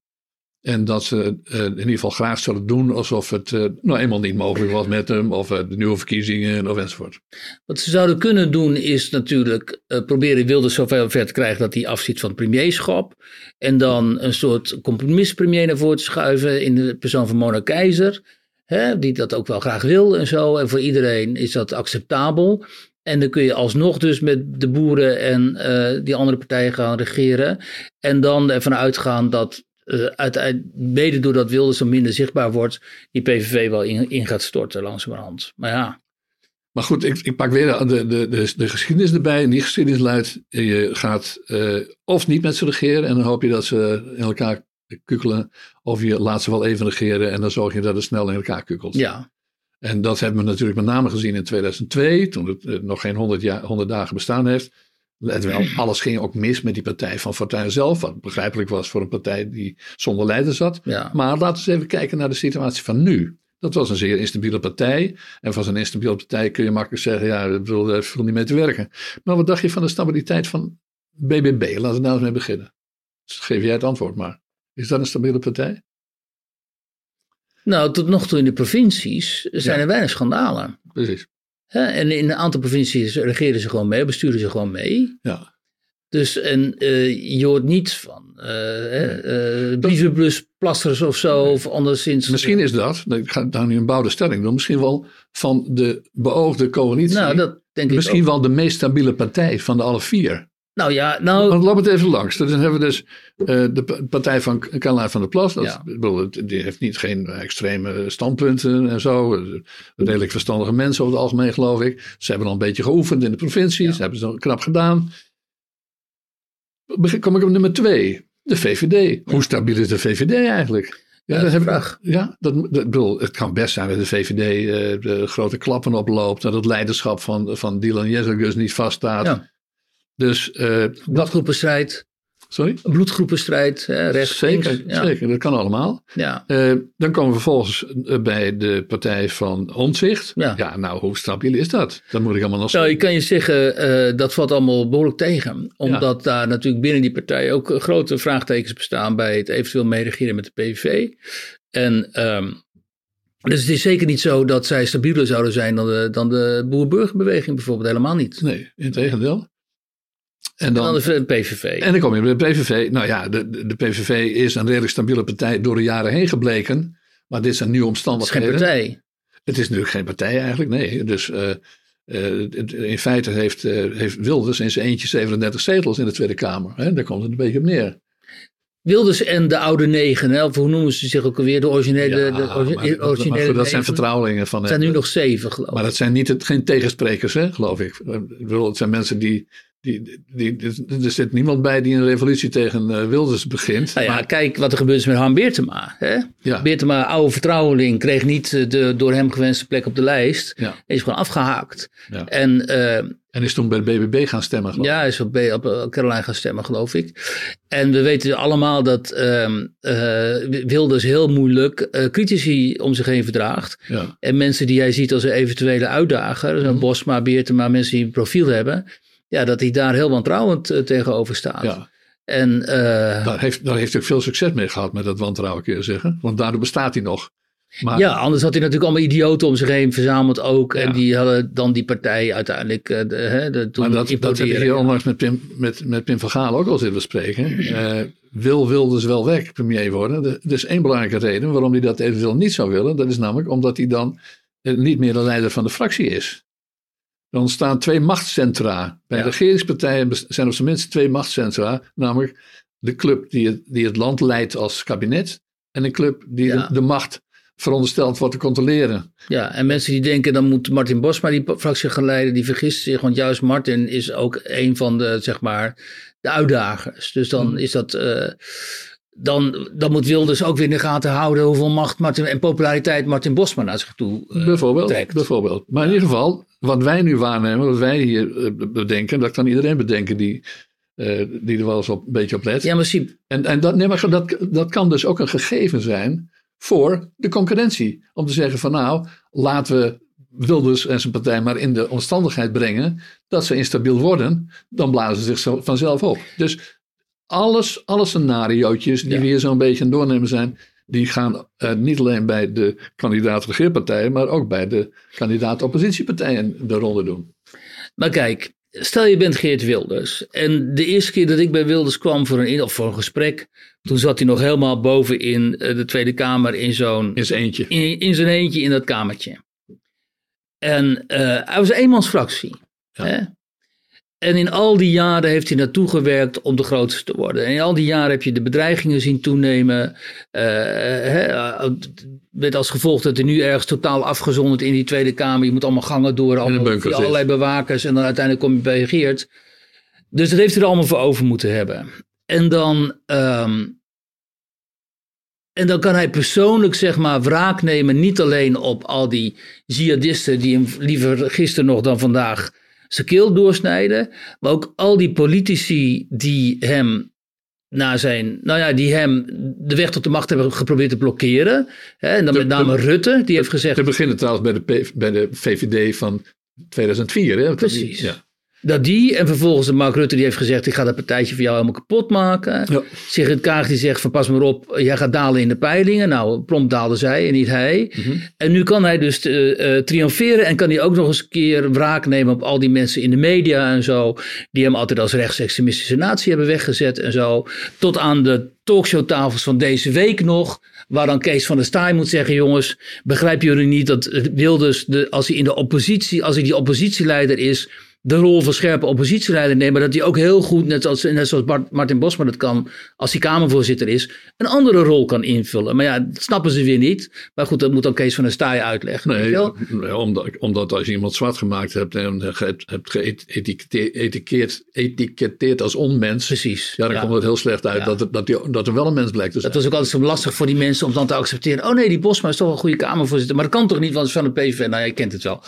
En ehm, dus als je Wilders bent, dan zeg je toch, weet je wel, eh God zegene de greep. Ik wil dit gewoon. En dan zien we nog wel of die partij of die fractie instort of weet ik veel wat. Maar dit is waar ik die twintig jaar of nou, hoe lang zit hij daar nou, naartoe heb gewerkt. Eh, hij is 25 jaar Kamerlid. Ja. Nou, en hoe Ja, lang dat, kan, onafhankelijk? maar ik, ik denk dat hij ook eh, met zijn onvoorspelbare elementen die hij ook heeft, dat hij strategisch genoeg is om daar, eh, zoals een schaker doet, niet alleen naar de eerstvolgende zet en de daaropvolgende zet, maar ik ben een heel slechte schaker, moet je bekennen, maar ik, een goede schaker die kijkt toch met vijf, zes, zeven zetten vooruit. Nou, je hebt wel gelijk. Hij kan ook zijn emoties opzij zetten. Ja, Dat klopt wel, ja. Op momenten dat hij dan bijvoorbeeld tegenover journalisten staat die hem dan weer probeert leven zuur te maken en dat hij dan toch heel redelijk reageert en zo. precies. Maar als hij dus die schaker is, eh, of kan zijn, dan kan hij ook rekenen van het, dat hij met regeren of pogend regeren eh, misschien zijn hele levenswerk opblaast. Ja, alleen, ja, weet je, als je krijgt nu misschien een unieke kans om je programma uit te voeren. Zeker. Hè? Daar ga je er toch alles aan doen om dat ook te Ja. Nou ja, een van de scenario's die je dan kunt hebben is het Bolkestein scenario 1994. Als ik dat er even bij mag pakken. Eh, toen heeft Bolkestein, eh, toen hebben, was Paas in ontwikkeling. Hè? Ja. Dus het, de, de, socialisten gingen met de liberalen eh, onderhandelen. Om nou eens een keer ook de CDA buitenspel te zetten. En dat zag er helemaal niet slecht uit. En toen heeft Bolkestein halverwege die, nou we nu weten, halverwege dat proces gezegd. Nee, ik zie het allemaal niet zitten, dit wordt helemaal niks. Waarop de koningin, die er toen nog over ging, de socialist Wim Kok opdracht heeft gegeven om dan maar eens een regeerakkoord te schrijven. Ja. Nou, een dergelijk scenario is ook heel goed denkbaar. Eh, namelijk, eh, en dat kan de koningin dan niet doen, niet doen want Maxima heeft die bevoegdheid niet, maar eh, dat er een tweede fase komt. Ja, dat het eerst mislukt en dat op een of andere manier in tweede instantie dan toch nog iets ontstaat over wat jij nu net noemt. Een regeringsakkoord, wat jij hier op tafel hebt liggen. Precies, dit is het. Ik zal het niet in beeld, want dat is nog een geheim. Maar het is bijna klaar. Dames en heren, Siep Wiener werkt aan een regeringsakkoord. Een regeerakkoord. Ja, regeerakkoord. Ja, ja, Nee, ik was een regeringsverklaring, een regeerakkoord. Ja, nee, als ik zin heb, dan schrijf ik die ook nog. Maar uh, uh, overigens is het, daar kondig ik vast aan, niet eens ontzettend moeilijk om dat regeerakkoord te schrijven. Ik bedoel, dat kan in enkele, in enkele A4'tjes, kun je zoveel overeenkomsten en belangenovereenkomsten, zou je kunnen zeggen, althans van de kiezers van deze partijen, uh, bedenken. Uh, dat het niet heel moeilijk zou moeten zijn om dat, uh, dat akkoord te maken. En dat, dat sluit op zich aan natuurlijk wat Wilders en zijn verkende ook zeggen. Dat het in een paar weken, tenminste Wilders zei dat geloof ik, dat het in een paar weken zou moeten kunnen. Nou sluit eerst maar eens de grenzen, dan is voor een heel groot deel allerlei daaraan gerelateerde problemen los je dan vanzelf wel op. Dat laat zich in paralinea's samenvatten. Ja. Je, kunt, je kunt binnen paralinea's, die ervaring heb ik inmiddels, dat hoofdstuk is klaar namelijk kun je uh, schrijven wat deze partijen zou kunnen, uh, uh, kunnen doen op de diverse onderdelen, asiel, studie en de andere vormen van. Op basis van hun programma's. Op basis van hun programma's, ja. ja zeker, hmm. zeker. zeker. Hmm. Dus er kan wel degelijk iets substantieels, maar dan moet je het wel willen, moet je geen stabiliserende ambtenaren hebben. Ja. dan moet je geen uitvallers in de Tweede Kamer hebben, enzovoort, enzovoort. Hoewel uitvallers, als ze inderdaad met die vier partijen toch weten te regeren, en dan hebben ze, wat zeg ik, 88 zetels geloof ik, wat de royaalste. Ja, Rutte heeft het altijd met minderheden zo moeten doen. Dus dan hebben ze die 88, dat, dat had je in, in de jaren 80 of zo voor het laatst. Ja. Dat type meerderheden waarmee er vergaderd werd, sorry, uh, geregeerd werd. Uh, maar, Siep, ja. even dan. Er ligt zo'n duidelijk mandaat. En niet alleen voor Wilders, maar 80 tot meer, 80 plus procent van die partijen, Boerenpartij, NSC, VVD, willen ook met Wilders. Ja. Tweederde van de kiezers willen het. Tweederde van de kiezers. Dus waar hebben we het over? Zeker. Uh, nou ja, waar we het over hebben is het verschil tussen wat Nederland wil, wat de Nederlanders willen, dat de overgrote meerderheid van de Nederlanders En wat het kartel wil. En wat, ja, dat zo noemt hij, dan noemt uh, Baudet, noemt Baudet dat dan. Uh, maar het is eigenlijk helemaal, niet zo'n slecht, zo slechte typering. Het begrip wordt alleen belachelijk gemaakt omdat hij het gebruikt. Maar we kunnen wel zeggen dat er een establishment is. Er is een establishment die, uh, die uh, een soort uitruil zou je bijna kunnen zeggen tussen het grootbedrijf en linksactivisme. Dat heeft ongeveer, uh, dus de VVD levert de belangen van het grootbedrijf en de, de MKB heeft nooit eigen steun. Hè? Mm. De middenklasse heeft nooit eigen steun, mm. kun je ook nog zeggen. Maar goed, die wereld die heeft Nederland kunnen runnen de afgelopen decennia al, maar zeker ook in de Rutte-tijd. Ja, uh, en die is totaal verweven met het land, en met de instituties. En die geven dat natuurlijk niet graag op. Ja, dat was niet je vraag, geloof ik, toch? Ik zei, ik weet niet meer precies wat ik zei. Ik zei, het is niet meer dan logisch als het mandaat zo groot is. Ja. En de wens van zoveel mensen, kiezers, zo groot is. Ja. En ook de wens uiteindelijk van omzicht uh, die een andere bestuurscultuur wil. En die bestuurscultuur is, helemaal verwezen met de, wat jij net schetste. Hè? Dat um, de, die gevestigde orde die maar de dienst blijft uitmaken. Um, dan heb je toch alle ingrediënt, ingrediënten om te zeggen: jongens, we gaan dit doen. Ik bedoel, om zich met zijn bestuurscultuur. Wilders met het feit dat hij een totaal nieuw electoraat vertegenwoordigt ja. eigenlijk. Uh, van der Plas met haar uh, regio. regio boerenbeweging. En de VVD die een toontje lager moet uh, zingen. Ja. En moet denken, oké, we gaan in ieder geval in die coalitie nog proberen om onze, hè, ons traditionele electoraat maar als je, te behouden. Je hebt voorkomen gelijk als je uitgaat van wat in een democratie wenselijk is en, en het normale proces zou zijn. Democratie zoals democratie bedoeld is. De vraag is of die bestaat in Nederland, die democratie zoals democratie bedoeld dus is. Dus moeten we zo meteen constateren dat onze democratie slechter functioneert dan die in de Verenigde Staten bijvoorbeeld, ja. waar gewoon een presidentschap van Trump mogelijk is. En nou ja, zelfs we worden, herhaling daarvan. We worden ernstig gehinderd door het feit dat we... Uh, dat, dat er zelden de analyse wordt gemaakt dat we in Nederland een slecht uh, functionerende democratie ja. hebben. Uh, dus we hebben natuurlijk en we worden voortdurend door, door onze politici wordt ons aangepraat dat we koploper zijn. We zijn de beste. Ja. Uh, Rutte heeft altijd gezegd, we zijn bovenaan alle lijstjes. Wat geen compliment van Nederland was, maar voor zichzelf. En dat heeft gewerkt. Daardoor denken wij dat we een voorbeeldland zijn voor de rest van de wereld. Maar dat zijn we helemaal niet. Nee. We zijn misschien wel net zo corrupt als corrupter dan andere landen. Alleen we vinden onszelf dan geweldig, waardoor we dat niet zien. Nou ja, we zijn in ieder geval functioneren we slechter als democratie. Omdat Nederland een land is, hè, dat hebben Jos en René uh, de Cuperus ook geconstateerd in die Atlas van de Afgehaakte. Waar die gevestigde orde gewoon nooit wordt vervangen. Hè, waar in andere landen dat wel gebeurt, is dat in Nederland eigenlijk Nooit het geval. En nu ligt het electorale, electorale mandaat er om dat wel eens een keer te doen. Om de boel op te schonen, zodat je andere geluiden, andere mensen, Zeker. andere invalshoeken krijgt. En dan gaat het weer niet gebeuren. Nee, maar let wel, je beschrijft de wenselijkheid om het establishment te vervangen. Maar het establishment denkt daar heel anders over. Ja? ja, die wil zich niet laten vervangen. Nee, en daar zullen ze dus alles aan doen. En die hebben misschien alle instituties, uh, uh, alle middelen bij de hand om dat te doen. Dus ik, uh, ik laat het zo zeggen. Kijk, ik verwacht niet alle heil van, van Geert Wilders als hij premier wordt. Daar gaat het allemaal niet om. Maar wat wel nodig is, is dat hier en daar de bezem door de, door de lijntjes gaan. En dat we afgaan, dat we afstappen van de gewoonte dat een minderheid hier de meerderheid regeert in plaats van uh, andersom. Nou, dit dus- zou toch ideaal ook aansluiten bij het programma van Omzicht en het intellectuele programma van Omzicht met sociale contracten dat verteld moet worden. En het programma van Caroline van der Plas die zegt de regio moet veel meer een stem krijgen. Dus ik bedoel, eh, alles is daar in deze mix om dat snel voor elkaar te Zeker, krijgen. Maar jij, jij, wat jij nu doet is een, een moreel oordeel vellen. Ja, een proces. Doe ik maar, graag. De, maar de eigenaren, dat, dat, is, dat kan ik je verder prima aanraden. Uh, alleen je moet wel de eigenaar van de moraal zijn in dit land. En die zit doorgaans niet bij jou. Die zit bij die linkse dominees. Zo is dat. dus die, en die zullen dus de moraal gebruiken om de machtswisseling tegen te gaan. En uh, anderen zullen het cynisme gebruiken om de machtswisseling tegen te gaan. Dus de kans dat, dat, dat die machtswisseling. Kijk, het goede nieuws, laat ik ook maar het goed nieuws verzinnen. Uh, ook als nieuwe partijen die veel stemmen krijgen niet daadwerkelijk aan de macht komen, dan uh, fungeren ze toch vaak nog als zweeppartij, mm. zoals de Vlaming dat uh, heeft uitgevonden. En dat heb je, we hebben één nuttige ervaring wat dat betreft. dat is het kabinet Balkenende 1, vooral het kabinet Balkenende 2 eigenlijk. Dus dat was het kabinet van CDA, VVD en D66.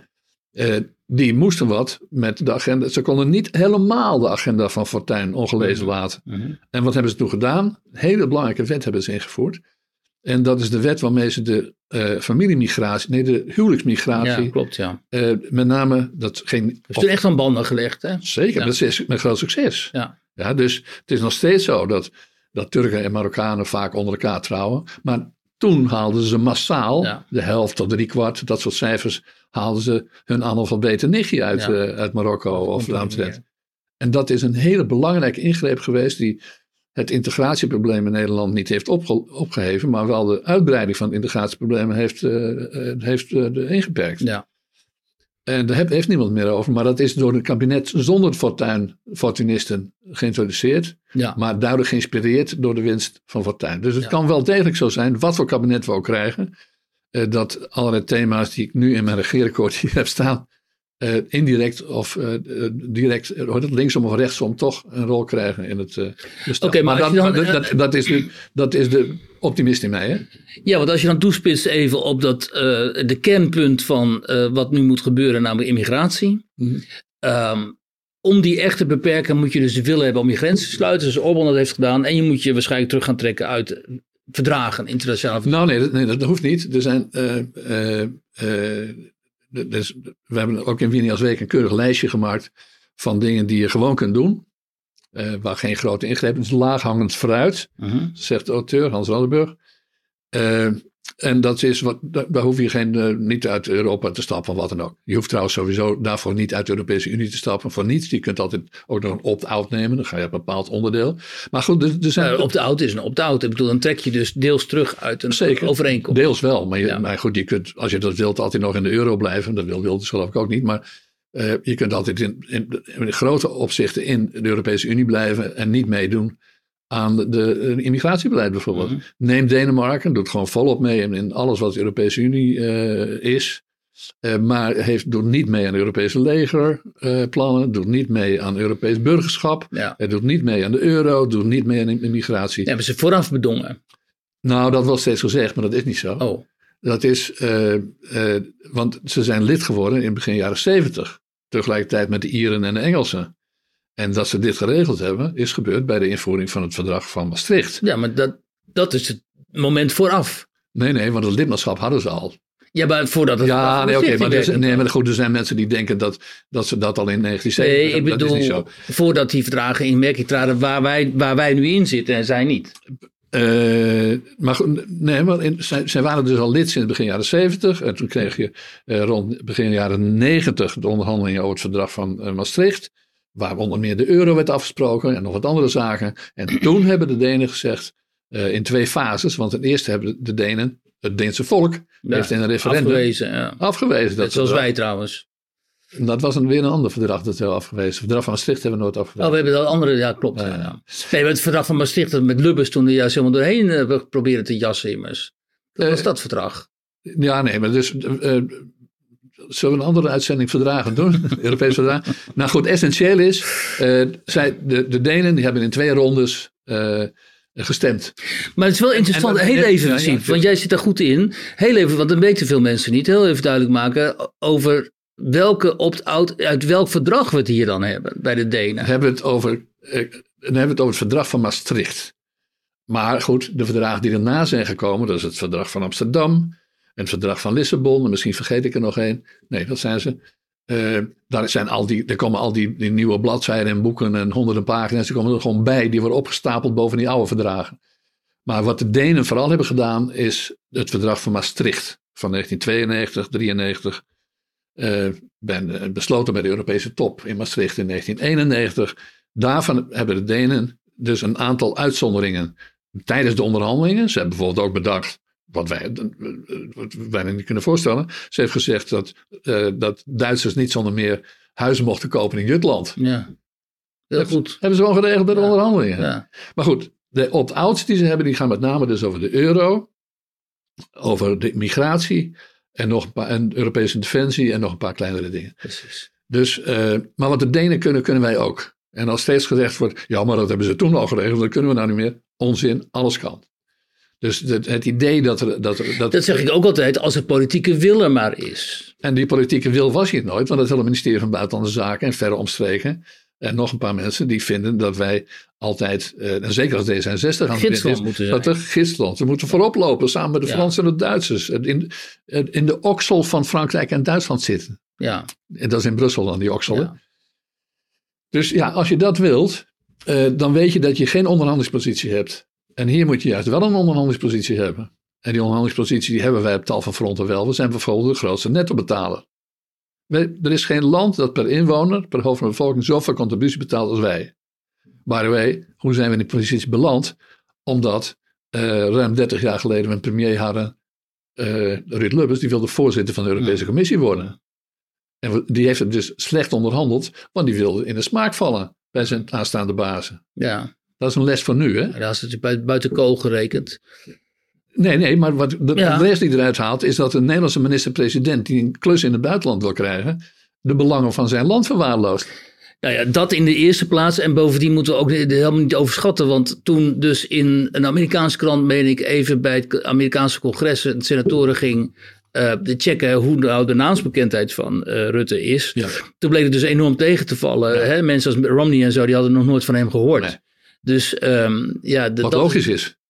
Ja, misschien wel. Ja, je zou denken dat zo'n senior staatsman als Rutte, die al zo lang zit. Maar het enige land waar dat in de kranten staat, is hier. Ja, ja dat de, is zo, ja. Dus de propagandaafdeling, de Rijksvoorlichtingsdienst en de, de PN-afdeling van de VVD, die, die hij is heel geweldig invloedrijk. Ja. En zo. Dat doen ja. we altijd. Ja. Maar we zijn niet invloedrijk. Dat blijkt enorm tegen te vallen. Wanneer zijn we invloedrijk? Als we lelijk doen aan ja. buitenlandse. Dan, ja, als een premier opkomt voor het belang van Nederlandse bedrijven. Hij Wilders kennen ze wel.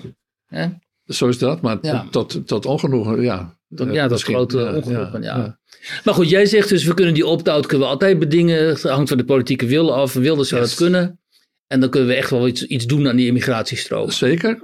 Sterker nog, er zijn dingen die je gewoon vandaag kunt gaan doen. Waar je helemaal geen, uh, zelfs niet voor naar Brussel uh, hoeft.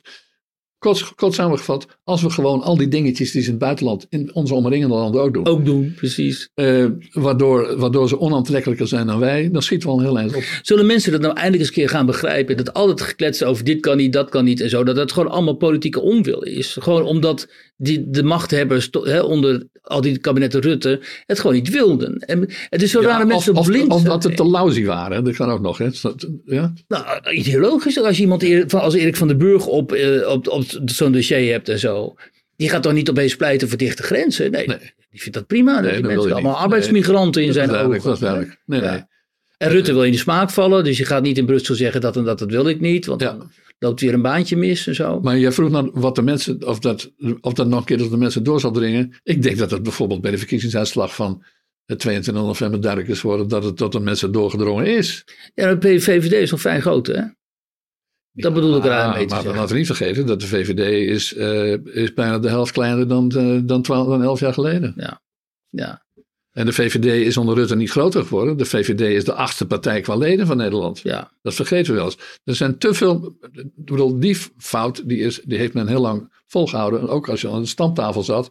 Ja, maar ze blijven toch allemaal over Rutte stemmen. Is niet waar, hè? Rutte was de grootste partij in 2012. Toen heeft hij iets van eh, wat, 41, 42 zetels, zoiets Toen gehaald. die met Samson in zee ging. Zeker. En daarna is het alleen maar minder geworden. Ze allebei minder stonden op de leden. 40 min- zetels. minder. Eh, nou, hij, de Samson tegen de 38, 39 ja, of zo. enorm. Maar dus, eh, de VVD is al tien jaar kleiner aan het worden. Ja. Ja. Ja? Eh, en het is niet zo. Dat, dus dat proces zet zich nu voort, kun je Ja. ook zeggen. Maar dan zeggen ze ja, maar al die partijen worden kleiner, behalve Forum voor Democratie, hè, grote ledenpartij. Dan Ja. zeg je al die partijen worden kleiner, dus past in een trend Ja, maar goed, we hebben gezien dat er ook andere partijen groot worden. qua zetels. Ja, ik wil, je, nog- ik wil nog even jouw boek aanprijzen voor Ja. het vergeet. Dat is jouw boek. Oh, dat is de mijne. Ook een goed boek. Reflexmatig grijp je gewoon naar je Ook eigen boek. boek. Hier staat het allemaal in beschreven, eh, Siep, in dat boek. Ja, dus Ja. mijn boek misschien is dan, ik dan toch, nu ik dan toch aan mijn boek. Daar beschrijf ik de Rutte-jaren. Juist. Ik beschrijf meer de Rutte-politiek. En jij beschrijft eh, Het land. Het land, wie Duk in Nederland, is al eventjes uit, maar is oh, ietsje hoger. Zo beter? Oké, dan waren regieaanwijzingen. Eh wie Duk in Nederland, eh, eh, vijf jaar reportages over eh, ja, de ongehoorde Nederlanders eigenlijk, hè? kun je zeggen, toch? Of verkeerd? Ongelooflijk eigenlijk, hè? land op drift gewoon. Ja. En ehm, ja, dat is, nou, niet, misschien is het niet eens de ongehoorde. Kijk, de- wel de Nederlanders die eh, zich vaak politiek en cultureel niet vertegenwoordigd voelen, maar die in de samenleving natuurlijk gewoon normale banen hebben, functioneren, verantwoordelijkheid nemen. Dus de, zwijgende meerderheid heet het vroeger. Dit is puur de zwijgende meerderheid. En als je, ik zat er nog eens door te bladeren, zo dat je denkt, het is toch niet te geloven, joh. Dat al die mensen, al die mensen en eh, die eigenlijk allemaal wat er nu is gebeurd hebben voorspeld. hè. Wat zij zeggen is, weet je, nog even, dan is die emmer vol en dan ga ik ook naar wild. Dus dat is eigenlijk de samenvatting van, van heel veel van die mensen in het Ja. boek. Ook mensen op links notabene zelfs. En ehm, dat dat dan... Allochtonen ook, hè? Allochtonen ook. Hè? En eh, bekend is al lang natuurlijk dat vooral de Hin- Hindoestaanse Surinamers in Nederland eh, massaal op wilden stemmen. En Fortuyn eerder al. Ja, nou hier op Fortuin. En dat dan de politiek dat zo heeft laten liggen. Hè? Dat, eh, ook lokaal. Ja, maar eh, ook- zo laten liggen. Het merkwaardige is dat ze hun eigen klant hebben weggejaagd. ja, Ik pleeg het al langer te zeggen. Als, als, een, een- als de blokker alleen maar te dure, lelijke spullen ja. verkoopt. En, omdat ze van hun klanten af willen. Ja, dan lukt dat wel. En dat is dus voor, met name voor de grootste partijen, de machtspartijen van de afgelopen 50 jaar en langer. Is het uitstekend gelukt om hun klanten weg te jagen. Ja, maar dat bedoel ik. Hè? Dat, ehm, ik kan het wel illustreren aan de hand van één voorbeeld. Een paar weken geleden was ik in Arnhem. En daar heb je ook zo'n oude wijk, zeg maar. Zo'n wijkje. En de, eh, de GroenLinks-wethouder voor bouwen, die heeft in al haar wijsheid besloten dat die wijk voor een deel moet worden afgebroken, want er moet nieuwbouw komen. Ja. Terwijl dat is dus een wijk zoals ook die ene wijk waar ik ook wel ben geweest in Rotterdam. eh, waar heel veel sociale samenhang is, waar echt gemeenschapszin heerst. Ja. Mensen kennen elkaar, mensen zijn buren van elkaar. En mensen zeggen bovendien, oké, hier is ook nog eens een keer, hier is, hier is een lelijk industrieterrein. Weet je wel, eh, veeg dat schoon, zet daar wat neer, dan zijn wij ook blij. We vinden het prima. We zijn niet principieel tegen bouwen of renoveren. Alleen, Maar laat ons huis staan. maar laat ons huis staan. Dat zijn koopwoningen. Hè? Dat zijn dus mensen die zijn daar Die wonen daar al 30, 40 jaar. Die hebben hun kinderen daar opgevoed. Als de kinderen thuiskomen zijn inmiddels... Maar die GroenLinks-wethouder die wil juppenwoningen, toch? Die GroenLinks-wethouder die wil daar juppenwoningen bouwen. En die zegt gewoon keihard tegen die mensen... nee, jullie gaan eruit. Ja. En dan is er een, een volks, nou, zoals het gaat in Nederland, een burgercomité, een buurtcomité. Ik kom daar op een avond bij die mensen interviewen, zitten daar acht, negen mensen aan tafel. Allemaal keurige Nederlanders, weet je wel. Gewoon met een fatsoenlijke baan, fatsoenlijke mensen en zo. En die zeggen, ik, en die zijn verbijsterd. Die hebben echt zoiets. Waarom zit daar een hele nare GroenLinks-wethoudster tegenover ons, die in geen enkele manier ons aanvoelt op geen enkele manier, die geen enkele empathie toont voor ons, die is een soort betonnen muur waar we tegenaan zitten. En afgelopen week hebben ze dus ook um, dit, het, het discussiegesprek met haar stopgezet. Ja. En het gaat gebeuren. En net zoals het wijkje daar in Rotterdam-Feyenoord, eh, wat is ook zo'n ding geweest, waar die oude dame woonde, weet je nog wel. Die heb ik toen ook nog geïnterviewd. Die mevrouw was diep in de tachtig. Die hey, ging een paar trappen op en kwam in haar woning. Haar hele leven spreidde zich daar voor je uit. Weet je, dat tapijtje op tafel, allemaal zo'n vitrine met... Maar alles moet anders, hè? Je kent het wel. Ja. En dat moet er worden afgebroken. En wat gebeurde daar? Het was nog niet afgebroken. En die mevrouw die overleed. Die is gewoon dood gegaan aan, aan die ellende van de, van de, van de uh, eh, hoe heet dat, van de vernietiging van haar wijk. Omdat ze dat emotioneel niet aankon. Dus die wilde gewoon niet verder leven. Die was ook al in het Maar je vraagt je af wat, wat zo'n, in dit geval GroenLinks-wethouder... Wat bezielt die mensen? Nou ja, laat zich waarschijnlijk het makkelijk samenvatten door het feit dat ze net zo denken als, uh, als mevrouw Kaag. Van, ja, wie zijn, wie zijn die, mensen? Ja, dan dus kunnen ze hun mond ook even houden. Ze komen dus helemaal niet voor in de belevingswereld. Nee. Die GroenLinks mevrouw, ja, ik heb daar wel een beeld van. In wat, voor, wat, wat haar bubbel uittekenen, is. heet ook altijd Eline en zo. Je kent. Ja, dus dat, uh, die, die, die, die, die zijn misschien zelf afkomstig uit de arbeidersklasse. Maar, ook vaak, ja. Maar hebben dan de eh, de, de, sociale stijging gewoon het misbruikt om hun afkomst uh, te bezoedelen. Dan zetten ze een moeilijke bril op en dan opeens zijn ze. En dan gaan ze de, de sociologentaal uitspreken en dan gaan ze over op klimaatsocialisme en zo. En dan, dan ben je lost. Ja, dan verliezen ze helemaal hun, hun band met hun afkomst ook. Hè? Ja, zetten ze zich tegen af. Ja. Uit angst, uit angst om terug te vallen in de wereld van de laagopgeleiden. Ja. En dat is heel erg. Als je tot die klasse behoort. Ja, dat zie je vaak, ja. En dan, weet je, dan ontstaat er vaak in zo'n wijk echt zo'n heel moedig burgerverzet. Daar in, in Rotterdam was helemaal totale mix totale mix. Ik sprak dan met een meneer, die heeft alleen maar Feyenoord shirts. Die is een lokale Feyenoord fan, weet je wel. En die, die draagt elke dag een ander Feyenoord shirt. Die heeft geen andere kleren. En die zit dan gewoon de, uh, met mij en andere mensen bij um, de Turkse uh, familie boven. Uh, thee te drinken met baklava en te spreken over de buurt, hoe dat nu verder moet en zo. Dus een hele goede sociale mix ook van mensen die een gemeenschappelijk, gemeenschappelijk doel hebben. Namelijk het instand houden van die wijk. Dus je hebt ook een gemeenschappelijke vijand is dan de, de woningbouwvereniging en de, en de gemeente en zo. En, uh, dus ideaal eigenlijk qua gemeenschapszin. Hè? Dat hele idee van gemeenschapszin, ja, dat zie je daar dan. En wat doet de gemeente en Vestia? Die, uh, die, die breken de, de, de wijk af. Die mensen worden verspreid over de rest van Rotterdam. Er komen jups die helemaal geen, geen band met elkaar hebben. En, mensen worden ook gedistribueerd als goederen. Hè? worden gewoon gedistribueerd, man. En wat, wat denk je wel op welke partij die mensen gaan stemmen? Natuurlijk gaan die op Wilders stemmen. Ja, ja, zeker. Ja. En ook, hè, want dat is nu ook dus zo'n ding van oh, moslims, allochtonen stemmen niet op Wilders. Maar reken maar dat deze mensen wel op Wilders stemmen, ook als je Marokkaan of Turk bent. Dus zeker, zeker. voor hen is Wilders degene, hè, de sterke man die tegen de gevestigde orde ja, durft op. En de enige die ze kennen in Dilsenbad. En de enige die ze kennen. Want hij duikt nog wel eens op in zo'n wijk met die tien uh, beschermers ja, omheen, inderdaad. Nou, misschien maakt dat ook nog indruk, je weet het niet. Nou ja, denk het wel. Ik denk dat ze moeten gaan afronden. Ik sluit niet uit dat dit de langste ja, oh. we krijgen de bevestiging. Het ging als vanzelf. en we gaan niet nog een keer twee jaar eh, wachten eh, voor, voor, de, voor de, de round-up, zal maar zeggen. Uh, wij spraken in deze Winias met Wier Duk, auteur van dit boek. Uh, ik moet hem hoger houden trouwens, zo. en dat boek, daar is, is weer een, een run op gekomen. Oh, heel goed. Zag ik als, heel als uitgever. Heel goed. en dat, dat juichen we toe, ja, begrijp je. Ik ook zeer. Nou, zie je. uh, en uh, ik zou zeggen, tot de, uh, graag tot de volgende Winias Week TV. en onze video's zijn uiteraard ook als podcast te beluisteren via Spotify en Apple. En we zien u graag bij de volgende keer terug bij Winias Week TV. En uiteraard bij de gewone Winias Week afleveringen. Iedere woensdag en zaterdag in uw brievenbus. Dank je wel.